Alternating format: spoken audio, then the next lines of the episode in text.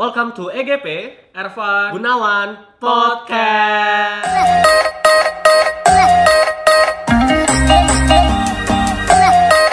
Wah ini kita menggigil banget ya Van ya. Dingin banget coy. Eh, Aduh. Kenapa sih suhu udara? Tapi ya kan karena memang cuacanya juga lagi aneh ya, hujan deras Yes, beberapa yes, hari yes, ini. yes. Um, a lot of thunder, a lot of raining, flooding. Even minggu lalu itu kayak pertama kalinya hujan jam 12 malam. Hmm. Nyokap gue sampai kebangun karena pikir kaca pecah. Ya tut tut tut tut tut, karena kenceng banget Oh iya suaranya. iya. iya. Eh, untungnya gue di tempat tinggal gue kayak nggak peduli gitu ya udah hujan hujanan Mungkin udah terbiasa ya di tempat asal gue dulu hujannya udah selebay itu jadi kayak ya udahlah what's the worst case that can happen mungkin basah dikit so um, ya let's let's discuss a topik untuk hari ini ya kita akan ngebahas soal ini mungkin teman-teman semua bisa relate juga it's about social acceptance Hmm. penerimaan sosial. Ini Ini bahasa Mandarinnya apa ya? Hmm. total uh, Ren Ren ya itu mungkin bisa kamu cari tahu dari kita ya itu Mandarinnya apa? Ashiteru Ashiteru Hmm, Jepang Ashito- ini. iya dan itu I love you, I love you gitu. Uh, why this is an interesting topic? I believe that I don't know, mungkin kita kita sebagai makhluk sosial ya. uh, apa pun kita lakuin Tuhan yang paling seksi itu kayak lagu Mulan Jamila ya. nah, uh, I think is is a common practice di mana kayak orang ya ada pelajaran teori lah ya kalau manusia itu udah makhluk sosial, kita harus saling membantu gitu. Yes. Tapi oleh karena itu kita juga akhirnya harus uh, apa pun kita lakuin kita harus melihat apakah orang lain senang atau tidak terhadap itu dan kita baru merasa oh ternyata kita di accept ke sosial society ini. Atau oh ternyata kita gak disukai sama society ini. Kayak gitu right? Dan it comes in very various uh, shapes and sizes. Yes. Mungkin kalau dulu uh, bentuk penerimaannya adalah dengan uh, diundang datang ke uh, let's say ada acara makan-makan keluarga bentuk penolakannya adalah mungkin dilemparin batu gitu ya. Makan kamu makan kamu. Atau mungkin penolaknya sampai di apa di apa sih namanya? Digorok. di, digorok-gorok lalu di di digorok tuh gini? Sih diapain di diangkat. Ya diangkat yang dibawa-bawa gitu. Oh yang ditaruh pundak itu ya Eh, taruh pundak. Terus kalau nggak di kalau di accept oh ternyata ini bentuk apresiasi. Kalau nggak di accept mungkin setelah ini dibawa ke tempat eh, pemasungan. Sudah digantung. Gitu, gitu ya. Eh, it's- I think it's very important khususnya untuk ya era-era saat ini ya banyak teman-teman kita yang mungkin era milenial eh, pada eh, aktif dengan sosial media. Mhm. apa pun dilakukan di post di sosial media. Hopefully dapat like hopefully dapat I don't know uh, di komen. Uh, hopefully digosipin orang malah ngerasa seneng ya digosipin. Jadi digosipin nih kemarin. banget, coy. banget right? Uh, mungkin tapi bisa dibilang kayak tingkat populer populer Popularitas. tingkat popular Ritas. Demet, tingkat popularitas lu bisa dilihat dari seberapa sering lambe turah ngegosipin lu. benar berapa berapa banyak sih jumlah follower lu berapa banyak sih jumlah view lu yang view lu ada orang populer gak sih ada musuh lu view lu gak sih Berapa banyak orang kepo sama Uh. hidup lu? accepted banget, accepted banget gitu ya. Eh, dan kita bisa lihat ya dari ini sebenarnya pro kontranya apa sih? What is the good thing about social acceptance? What is the negative thing about social acceptance? Gitu jadi. Eh, nah mungkin kita bisa bahas dulu ya, Van ya. Apa sih penyebab kenapa orang ingin banget di accept secara sosial? Hmm. Interesting. Eh, mungkin dari purely naluri kita sebagai, eh, menurut gua naluri kita purely sebagai eh, makhluk yang hidup eh, berkerumun atau dalam bentuk klan gitu ya. Apa sih bahasanya? Kayak cold banget anjir. berkelompok lah, makhluk berkelompok gitu berkelompok gitu kan. Jadi kita kita punya sense, kita punya naluri untuk melakukan apa pun agar eh, bisa diterima sama kelompok itu dan tidak diasingi sama kelompok itu. Dan itu aku rasa bisa jadi satu pegangan kita ya untuk diskusi eh, hari ini. Nah, tapi what's what's the good thing? Kita mungkin bahas pro-nya dulu deh. Apa sih eh, what's the importance of social acceptance? Itu ya. Hmm, mungkin kalau menurut gua, basic lagi ya tadi yang Gunawan bilang bahwa kita manusia hidupnya berkelompok, pasti ada namanya ketidaksetujuan, ada namanya kesetujuan, ada namanya bersetu- ada yang namanya Apa tadi ber, bersetu apa? bersetubuh. bersetuju bersetuju Bersetuju. bersetuju ya Well, basically social acceptance itu kan Iya. ngaruh sebenarnya lebih ke confidence lu. ya Semakin orang men- menerima lu, semakin orang mengakui lu ada, mengakui lu exist, otomatis confidence levelnya bakal naik. Benar. Iya nggak sih? benar Dan itu pasti akan ngaruh juga how you live your life. Mm-mm. Jadi kalau pro-nya mungkin bisa dilihat bahwa uh, social acceptance itu sebenarnya secara nggak langsung bisa nge-boost confidence lo Ya. untuk makin lebih baik di dalam hidup. agree agree Jadi ya, I mean social social acceptance-nya dalam in a good way ya. Maksudnya bukan yang kayak nanti kita akan bahas di cons, cuman maksudnya sesuatu yang memang oh, Gunawan dia dapat nilai bagus, dia pintar, diterima teman-temannya bahwa dia bisa ngajarin yang lainnya. Ya. Malah bisa berfungsi gitu loh. Ya. That's how it works gitu loh. Har- Seharusnya seperti itu. Ya, agree. Um, kalau dari gue sendiri, basically pros of social acceptance adalah the the basic reason why you survive itu karena social acceptance kan. Kalau misalnya lu survive aja nggak di expect orang ya, lu nafasnya nggak di expect orang, lu bayangin, lu either di udah penjara atau di, di, di dasar laut atau lagi gantungan aja sekarang di atas pohon gitu. Contoh kayak Mantap. ini ini toge ini Wah, oh, ketempel dong gitu ya. Nah, that's the first thing. The second thing is mungkin relevan sama yang apa Ervan bilang soal confidence ya. Uh, when we get accepted, kita akan ngeboost dari segi confidence dan kita akan unggul dibanding makhluk-makhluk lain gitu. Dan ketika kita unggul dari makhluk-makhluk lain, kita akan mendapatkan kind of privilege lah di society ini sendiri. Either lu dapat respect dari orang-orang lu, either kalau di lingkungan kerja lu dapat kesempatan untuk men, you know, you perform well, you di admit perform well, lu mungkin bisa promote untuk lu untuk posisi lebih tinggi. Kalau di circle teman-teman lu ya lu akan dianggap ya orang yang keren, lu akan selalu diundang untuk uh, diajak hangout bareng gitu ya. Terus uh, you know, you just get that kind of uh, privilege. Untuk diri sendiri yang gua rasa adalah um, lu sebagai makhluk hidup lu akan jadi lebih stress free lah karena again the basic instinct of us is to uh, you know untuk bisa survive dua sehari-hari dan bisa di accept secara sosial bisa hidup bareng orang lain jadi ketika lu bisa lebih secure lu ngerasa kalau oh ternyata orang-orang nyaman sama gua ternyata orang-orang accept gua ternyata orang-orang demen sama gua ya kita day to day nggak usah mikirin lagi ih harus hati-hati deh kayak jalan ke sini bakal ada yang nggak suka sama gue. Atau bakal yang siap-siap ada yang akan lemparin panah atau tombak ke gue gitu. Jangan jangan ke tombak gitu ya. Nah ini akan uh, affect you to be a more uh, apa ya a more fulfilled human being lah. Jadi lu nggak harus mikirin soal safety lu bisa mikirin soal hal lain. Either uh, getting to relationship atau fulfill your own uh, dreams, gitu ya. Dari segi kerjaan dari segi impian uh, you know doing things yang you do like for example. Dan actually dengan ada social acceptance ini ketika lu butuh something dan ketika lu butuh bantuan actually people uh, are always there to help you.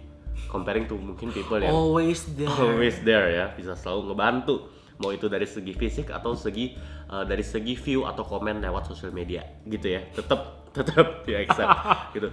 Uh, so yeah I guess I guess those are the pros ya kira-kira. Um, kenapa sih social acceptance itu penting?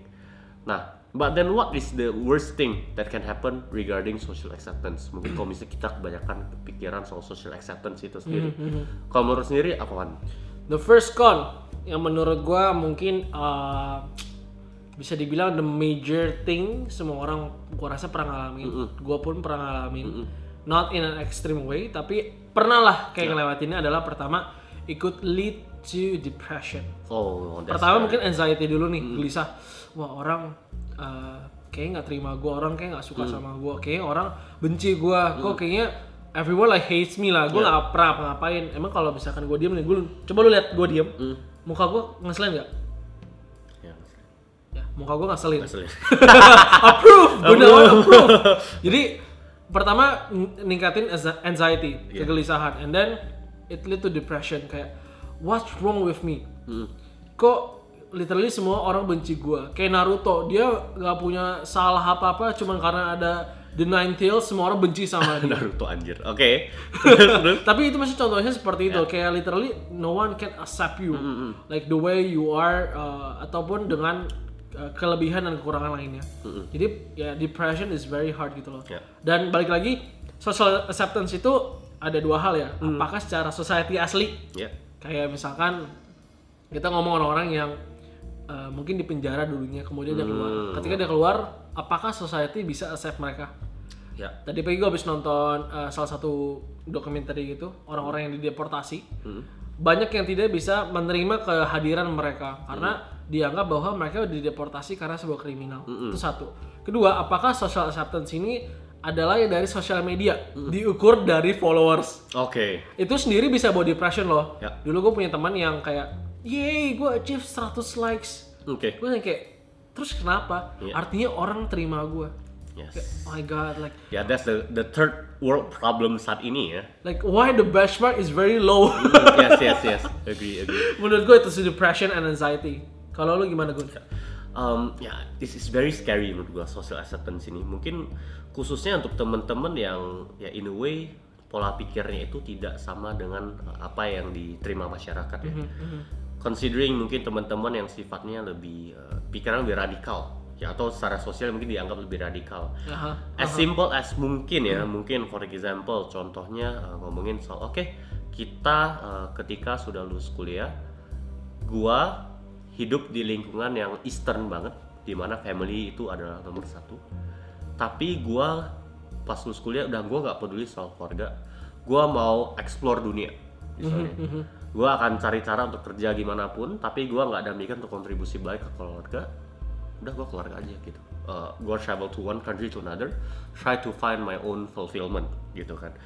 Ini bisa jadi problem di circle seperti ini. Kenapa? Karena lu akan dikata-katain kayak dari as simple thing lah dikata-katain aja kayak ini lu tau gak sih anaknya si A masa dia udah sibuk-sibuk eh, udah susah-susah dibiayain kuliah sama keluarganya pas lulus bukannya balik untuk keluarga lagi malah ke travel ke mana pun yang nggak jelas. Harusnya kan dia balik ya ke keluarga dia untuk bantu support keluarganya lagi bantu biayain keluarganya lagi. As simple as that. Lu, ja- lu udah jadi bahan gosipan lu udah jadi bahan makian.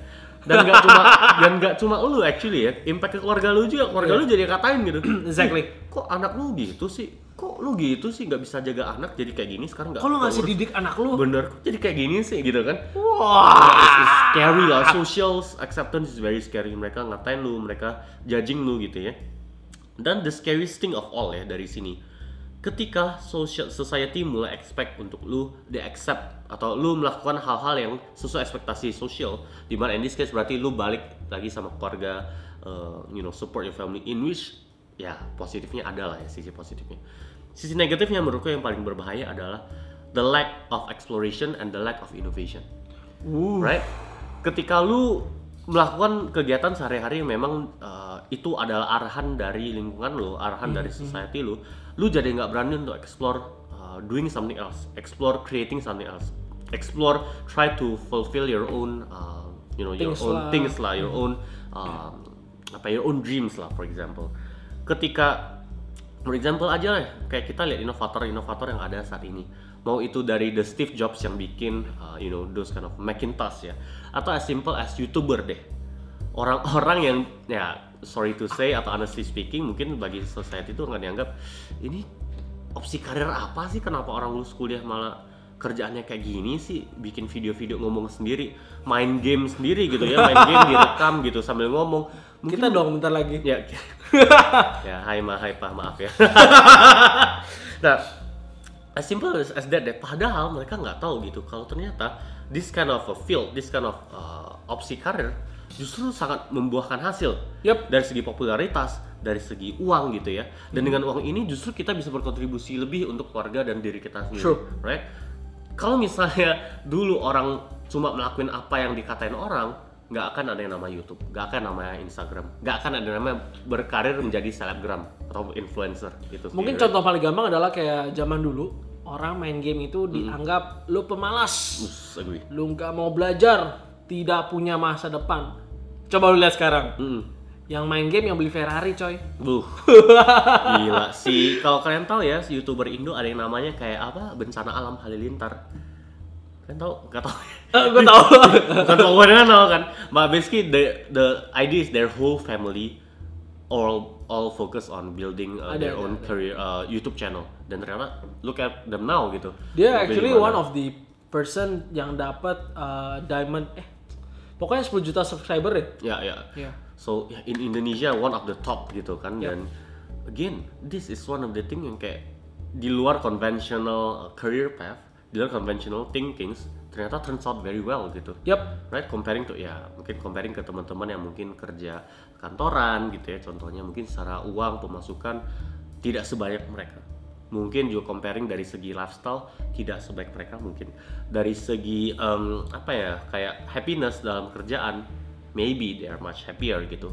So this is uh, one of the things yang gua rasa penting banget untuk dipertimbangkan. That social acceptance is not always the best thing. You need to actually explore something else di luar ini. Yes. You need to be able to you know be more radical, lebih berani untuk try something new dan ya in the end when you succeed in those things, in the end orang-orang akan melakukan hal yang sama dan akhirnya itu akan menjadi social acceptance yang baru gitu. Kalau ternyata nggak tahu ya mungkin 20 tahun ke depan kalau lu nggak punya akun YouTube untuk bikin video di YouTube lu akan dianggap aneh dan lu malah akan di know, diasingi gitu. Ih, lu kok bukan salah satu komunitas YouTuber kayak kita-kita gitu kan. So it's, it's a very scary thing to be honest. Ya, dan mungkin social acceptance itu udah jadi topik umum kali ya. When I was growing up, ketika gue kecil gue kayak nggak ngerti lah soal-soal beginian kayak yang selama orang tua gue bolehin, Ya. bapak gue bolehin, ma gue bolehin, gue lanjutin. Tapi sekarang banyak hal-hal yang tidak tertulis tapi harus lo ikutin. Ya. Hal simple kayak tadi Gunawan bilang. Eh, contoh lainnya adalah seperti lu mungkin merasa aneh, kok lu nggak main Instagram? Ya, simple as that. Kok lu nggak punya Facebook? Mungkin zaman gue dulu, lu pasti nggak punya Friendster atau kayak you know like those Friendster, MySpace atau uh, lu punya Axe FM and stuff. Sekarang kayak lebih Instagram dan lain-lain. Atau misalkan, oh lu nggak main PUBG, Ya, lu nggak main Mobile Legend. Kayak that's ha- apa ya kayak itu tuh udah kayak sesuatu yang tidak tertulis tapi orang harus ikutin. agree. Iya nggak sih? Agree, agree. Dan maksudnya buat gua sendiri ya, misalnya gua kita se- sekarang lebih bahas gua sama Gunawan ini sebenarnya tipenya lebih social acceptance atau enggak sih? Hmm. Kalau gue pribadi, gue termasuk orang yang tidak. Oke. Karena memang gue orangnya lumayan out of the line. Gue nggak suka hal-hal mainstream, gue nggak suka hal-hal yang orang lain suka. Hmm. Dan gue termasuk orang yang memiliki sifat uh, lumayan sarkastik. Hmm. Jadi actually not everyone in the office accept me. Hmm. Dan itu juga salah satu contoh. Kayak contoh ekstrimnya adalah kemarin gue bikin di Instagram uh, sebuah story yang kemarin lagi ngetrend. Jadi lu bisa tanya satu pertanyaan dan gue akan kasih tiga jawaban. Terus ada satu orang dia kasih gue pertanyaan yang cukup uh, di luar umumnya. Dia tanya gue tiga website tiga website bokep apa yang paling gue suka nonton. Oh, gila siapa tuh temen lu? Parah banget. Oke, Parah banget, parah banget.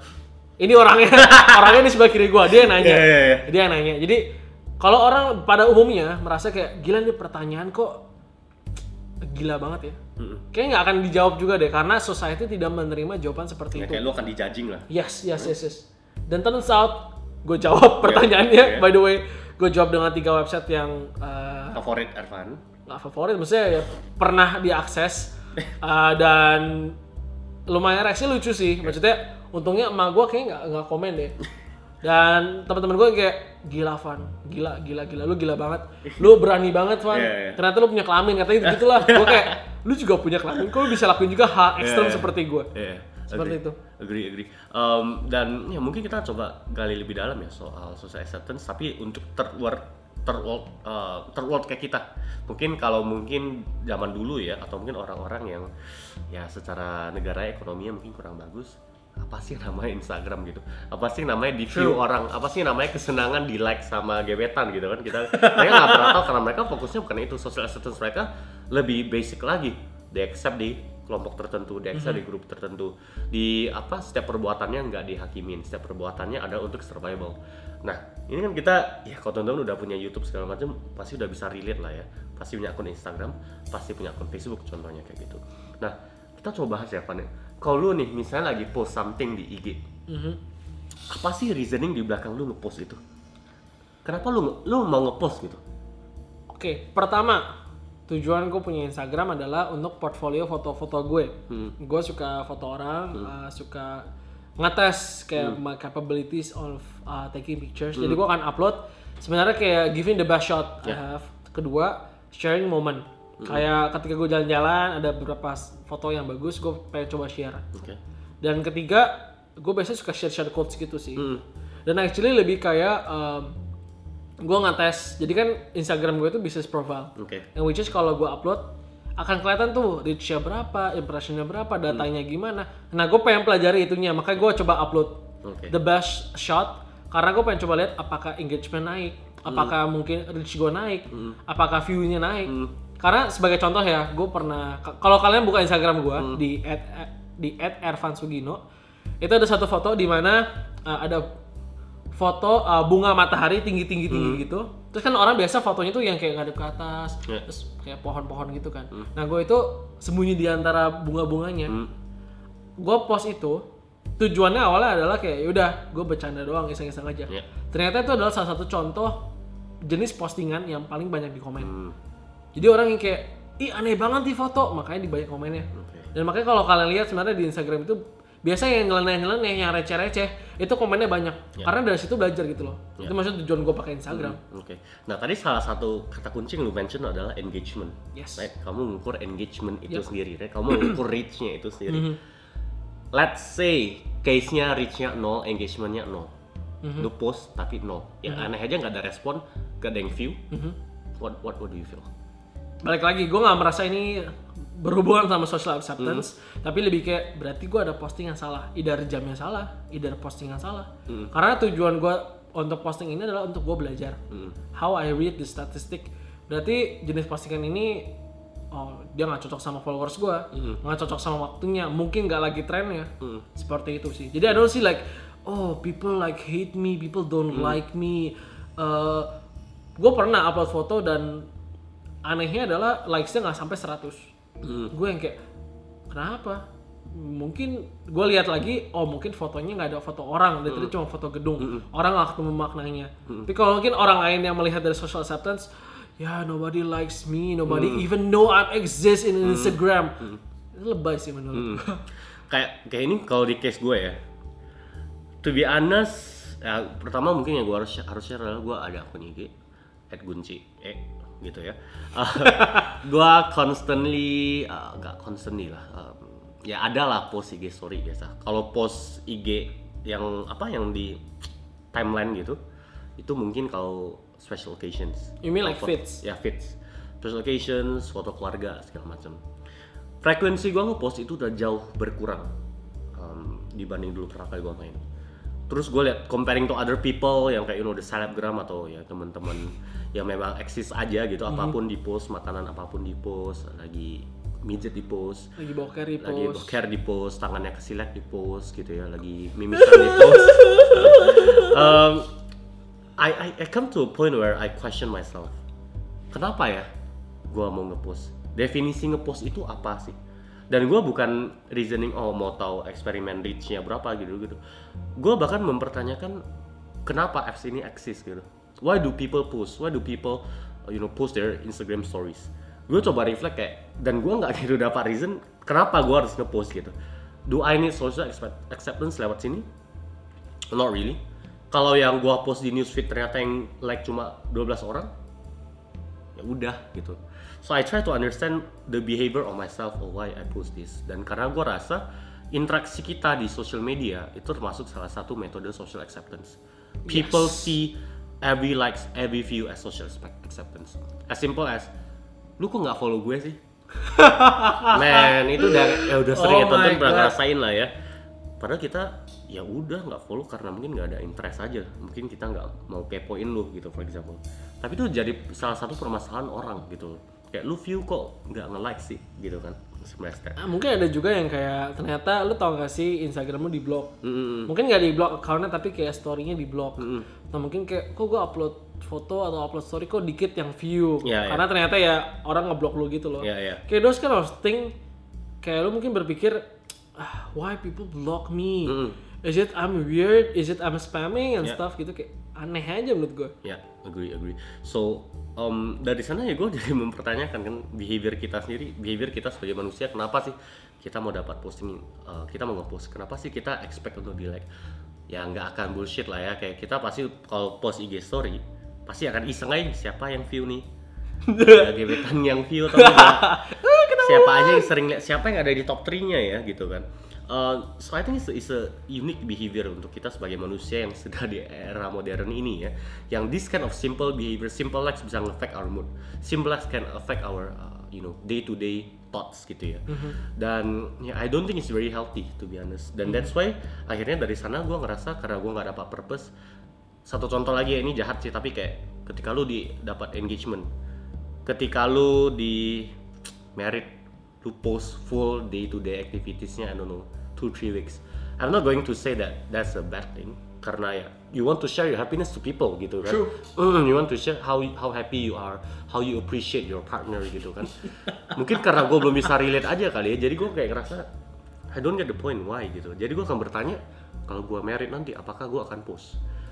The scariest thing yang gue realize adalah ketika ada case cewek lu post, lu gak post. Cewek lu nanya lu kenapa lu gak post Dan lu purely post hanya karena untuk nge-fulfill biar gak dijahatin sama cewek lu That's the scariest thing man Dan gue realize kayak social, relate. social acceptance is no longer about survival Social ac- acceptance is purely about so that people don't judge you itu ngelanjutin dari case yang masalah cewek Hmm. ngepost cowoknya ngepost I can relate cause I went through that kind of situations Ya. dulu Hmm. yang dulu ya bukan sekarang Ya, yang dulu kasihan ya. Apa kabar si Doi? ah baik harusnya baik sih Harusnya baik. Ya udah, lanjutkan ya. Jadi gue pikirkan Doi, oke terus. so basically orang ngerasa kayak kalau misalnya lu nggak posting bersama apakah kalian ada problem Hmm. apakah kalian ternyata lagi retak Mm-mm. karena misalkan gini loh ketika kalian ada post seseorang kemudian tiba-tiba fotonya hilang pasti kan bingung Hmm, dong tapi kalau misalnya dari awal uh, sudah tidak ada pertanyaan lagi emang lu udah pacaran atau lu masih single? Mm-mm. ini yang kadang menjadi sebuah problem untuk si perempuannya atau dari cowoknya. Misalnya kalau misalnya salah satu tidak posting gitu ya mereka nggak beranggapan kok kamu kayak nggak menganggap aku ada dari Instagram kamu? Maksud gua kenapa patokannya Instagram gitu Iya. balik lagi setiap orang punya Instagram itu objektifnya berbeda-beda. Lu nggak bisa samain semua orang punya tujuan yang sama kayak lu untuk acceptance uh, dari socials gitu loh. Dan uh, Instagram Shit, mau apa ya? Dan dan Instagram, ya. Twitter. Oh ya. Dan dari foto-foto ini tuh bukan jadi tolak ukur lah. Dalam artian ya terserah gua gua mau upload atau nggak upload. Di pengalaman gua dulu ya mantan gua merasa gua tidak menganggap dia ada. Dia berpikir gua mau selingkuh dengan Instagram gua. Jadi gua makan menggunakan Instagram gua buat kenalan sama cewek Oke. in extreme way gitu ya. Maksudnya in extreme uh, consequences bukan sih. In an extreme way. Jadi basically dia akan berpikir gua akan coba deketin cewek lain dengan menunjukkan Instagram gua bahwa gua masih single Ya, ya. itu menurut gua aneh banget gitu. Agree. Ya, I think the strange thing ya. Mungkin sebelum kita lanjut sering ngata-ngatain orang lagi yang dia, dia yang dia di Instagram. Em, maaf nih bukan ngata-ngatain cuma ya itu yang gua rasain lah ya. Em, pasti temen pada ngerasain ih kalau kalian sejudge itu terhadap Instagram ataupun sosial media lainnya kenapa kalian siap ada komen eh, siap ingin apa dapat feedback tuh mau arahinnya ke Instagram kok bikin Spotify gini sih? Toh ini kok bikin akunnya gini sih? Bukannya ada irony is justru semakin banyak yang lihat justru apa purpose kalian untuk melakukan Spotify ini kecapai. That I agree. Jadi uh, thing that I want to clarify right now is it's not about I say that every Instagram or every social media or every method yang kalian apa ya yang memang ditolak ukurnya secara view secara like is a bad thing. No justru sometimes in this case ya ini sangat penting. Kalau kita kalau tujuan podcast ini memang untuk ngebantu teman-teman untuk sharing ya tentu kita mau semakin banyak orang lihat. Exactly. semakin banyak orang like semakin banyak komen right? The thing that I want to point out here is the negative impact. I- kalau misalnya kalian apa pun yang kalian lakuin perilaku kalian itu semua berubah hanya karena uh, komen orang like orang view orang. Your emotional stability your your psychological uh, state itu semua ke impact hanya karena kok nggak ada yang like kok nggak ada yang view? Itu the, the worst case yang kita mau uh, taruh di sini gitu loh. Dan sorry, mau sorry motong dan gue nambahin dikit kayak jangan sampai the core of you uh, in this case adalah podcast kita. Karena sebelumnya sebenarnya ketika gue sama Gunawan lagi pergi sama teman gue sama teman kita berdua ada satu uh, teman dia bilang kenapa nggak sih lu pada bikin satu konten yang literally ngerelate ke satu grup dari society? Waktu itu masalah soal feminism. Kenapa sih kan nggak bahas soal feminism? Karena orang-orang feminisme pasti akan suka sama kalian dan akan suka sama uh, konten kalian dan akan dengerin terus jadi punya kayak pendengar tetap. Saya gue bilang sama, gue dan Gunawan setuju bahwa kita nggak mungkin lakuin itu. Pertama itu udah jauh dari purpose kita. It's not our core. Why we should change our core ya to be accepted in one society. ya Gitu loh. Jadi mungkin gue nambahin poin dari Gunawan bahwa jangan sampai society malah buat tuh berubah. Mm-mm. Agree Justru harusnya society nerima lu apa adanya. agree Tapi memang ada yang namanya adaptasi. Bukan namanya lu kayak radikal, lu nggak mau denger apa-apa. Lu berharap society nerima lu pasti nggak bisa. Pasti sebuah adaptasi. Tapi jangan sampai core-nya berubah. Agree, agree. Nah mungkin this this topic today itu sebenarnya untuk bantu kita saling refleksi bareng gitu ya. For every steps that you take, ketika lu melakukan A, ketika lu post A, ketika lu mau beli apa sih beli sampo A, ketika lu mau liburan Sampo. di Jepang, ketika lu dalam kerjaan lu mau ngobrol sama bos lu ketika lu mau makan bareng sama temen-temen lu. As simple as that. Coba bayangin aja deh apakah apa yang kita lakuin itu purely hanya untuk social acceptance lu? Atau memang kita tulus melakukan itu? Atau apa pun kita lakuin itu memang untuk menyenangkan diri pribadi atau purpose pribadi? If you do everything hanya karena avoid judgment orang hanya karena takut dikatain orang hanya tak- karena takut digosipin orang one thing that you need to realize is maybe it's not about you maybe it's about them Ooh. maybe you need to start to think hey maybe i just need to find a place that people can accept me. You know that you know the, the earth is a huge place right? Yep. satu RT aja. Ada berapa apa sih komunitas arisan gitu kan. Kalau emang lu nggak diterima di komunitas arisan A ya udah nggak usah stay di sana. Ke komunitas arisan B. Kenapa daripada lu setiap hari stay di komunitas arisan A lu stres mikirin aduh gue harus ngapain ya biar mereka sedang aduh gue harus ngapain ya biar mereka nggak ngatain gue that's the worst thing that you can do and I can say 100% that lu sia-sia menjadi manusia karena lu hidup hanya untuk uh, mikirin orang lain kebagian orang lain tapi lu nggak mikirin kebagian pribadi. So I think this is one of the main points yang uh, I need to point out ya di uh, topik soal social accept- accept- acceptance ini. Again the thing about social acceptance is not about you are afraid to do something you not about because you are uh, unhappy karena setiap perilaku lu. Social acceptance by the core adalah biar lu bisa survive untuk hidup sehari-hari biar lu bisa survive untuk mencapai goals lu. Kalau hanya karena lu melihat social acceptance mau di accept hanya karena biar lu takut atas sudut pandang orang lain again maybe that's not the best place for you to be. Of course. right right right. Ya contoh simpel aja deh soal Spotify uh, podcast ini gitu kan. Kalau misalnya kita mikirin pandangan orang lain terhadap kita ih kok kita malu nggak ya kita bikin post posting ginian? Kita ngebahas ginian kita share opini kalian. Eh, share opini kayak gini siapa kita? Emang kita kredibel untuk ngebahas ini?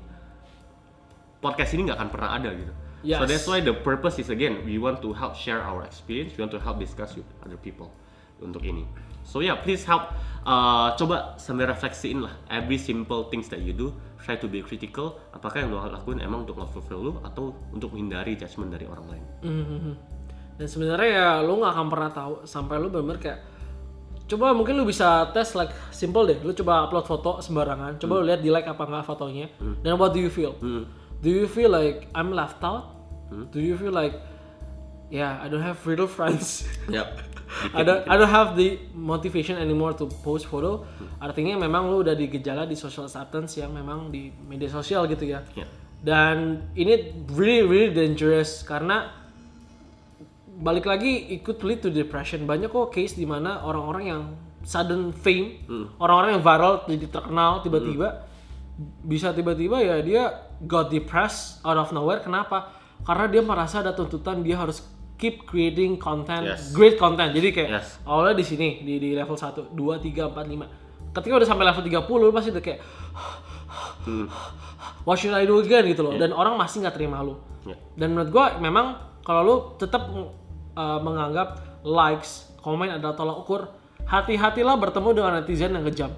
Because netizen yang kejam dia akan terus kayak ngejar lu. Ya. Mau lu sedih, mau lu seneng, mau lu udah berdarah, mau muka lu robek, mau pala lu bocor juga dia pasti ngata-ngatain lu. Agree, Gitu loh. Dan I think for both of us juga kita harus prepare. Kita creating uh, kayak kita bikin konten seperti ini pun pasti ada yang nyinyir Hmm. pasti ada yang ngomong kayak lu ngapain sih bikin podcast emang dapat duit emang emang bisa buat apa Agree, agree. banyak yang udah ngomong kayak gitu ke gue tapi kayak balik lagi ini adalah wadah buat gue sama Gunawan for sharing this opinion dan menurut gue kalau memang ini relatable for you it's good Ya. kalau memang gak relatable maybe not yet gitu loh Ya.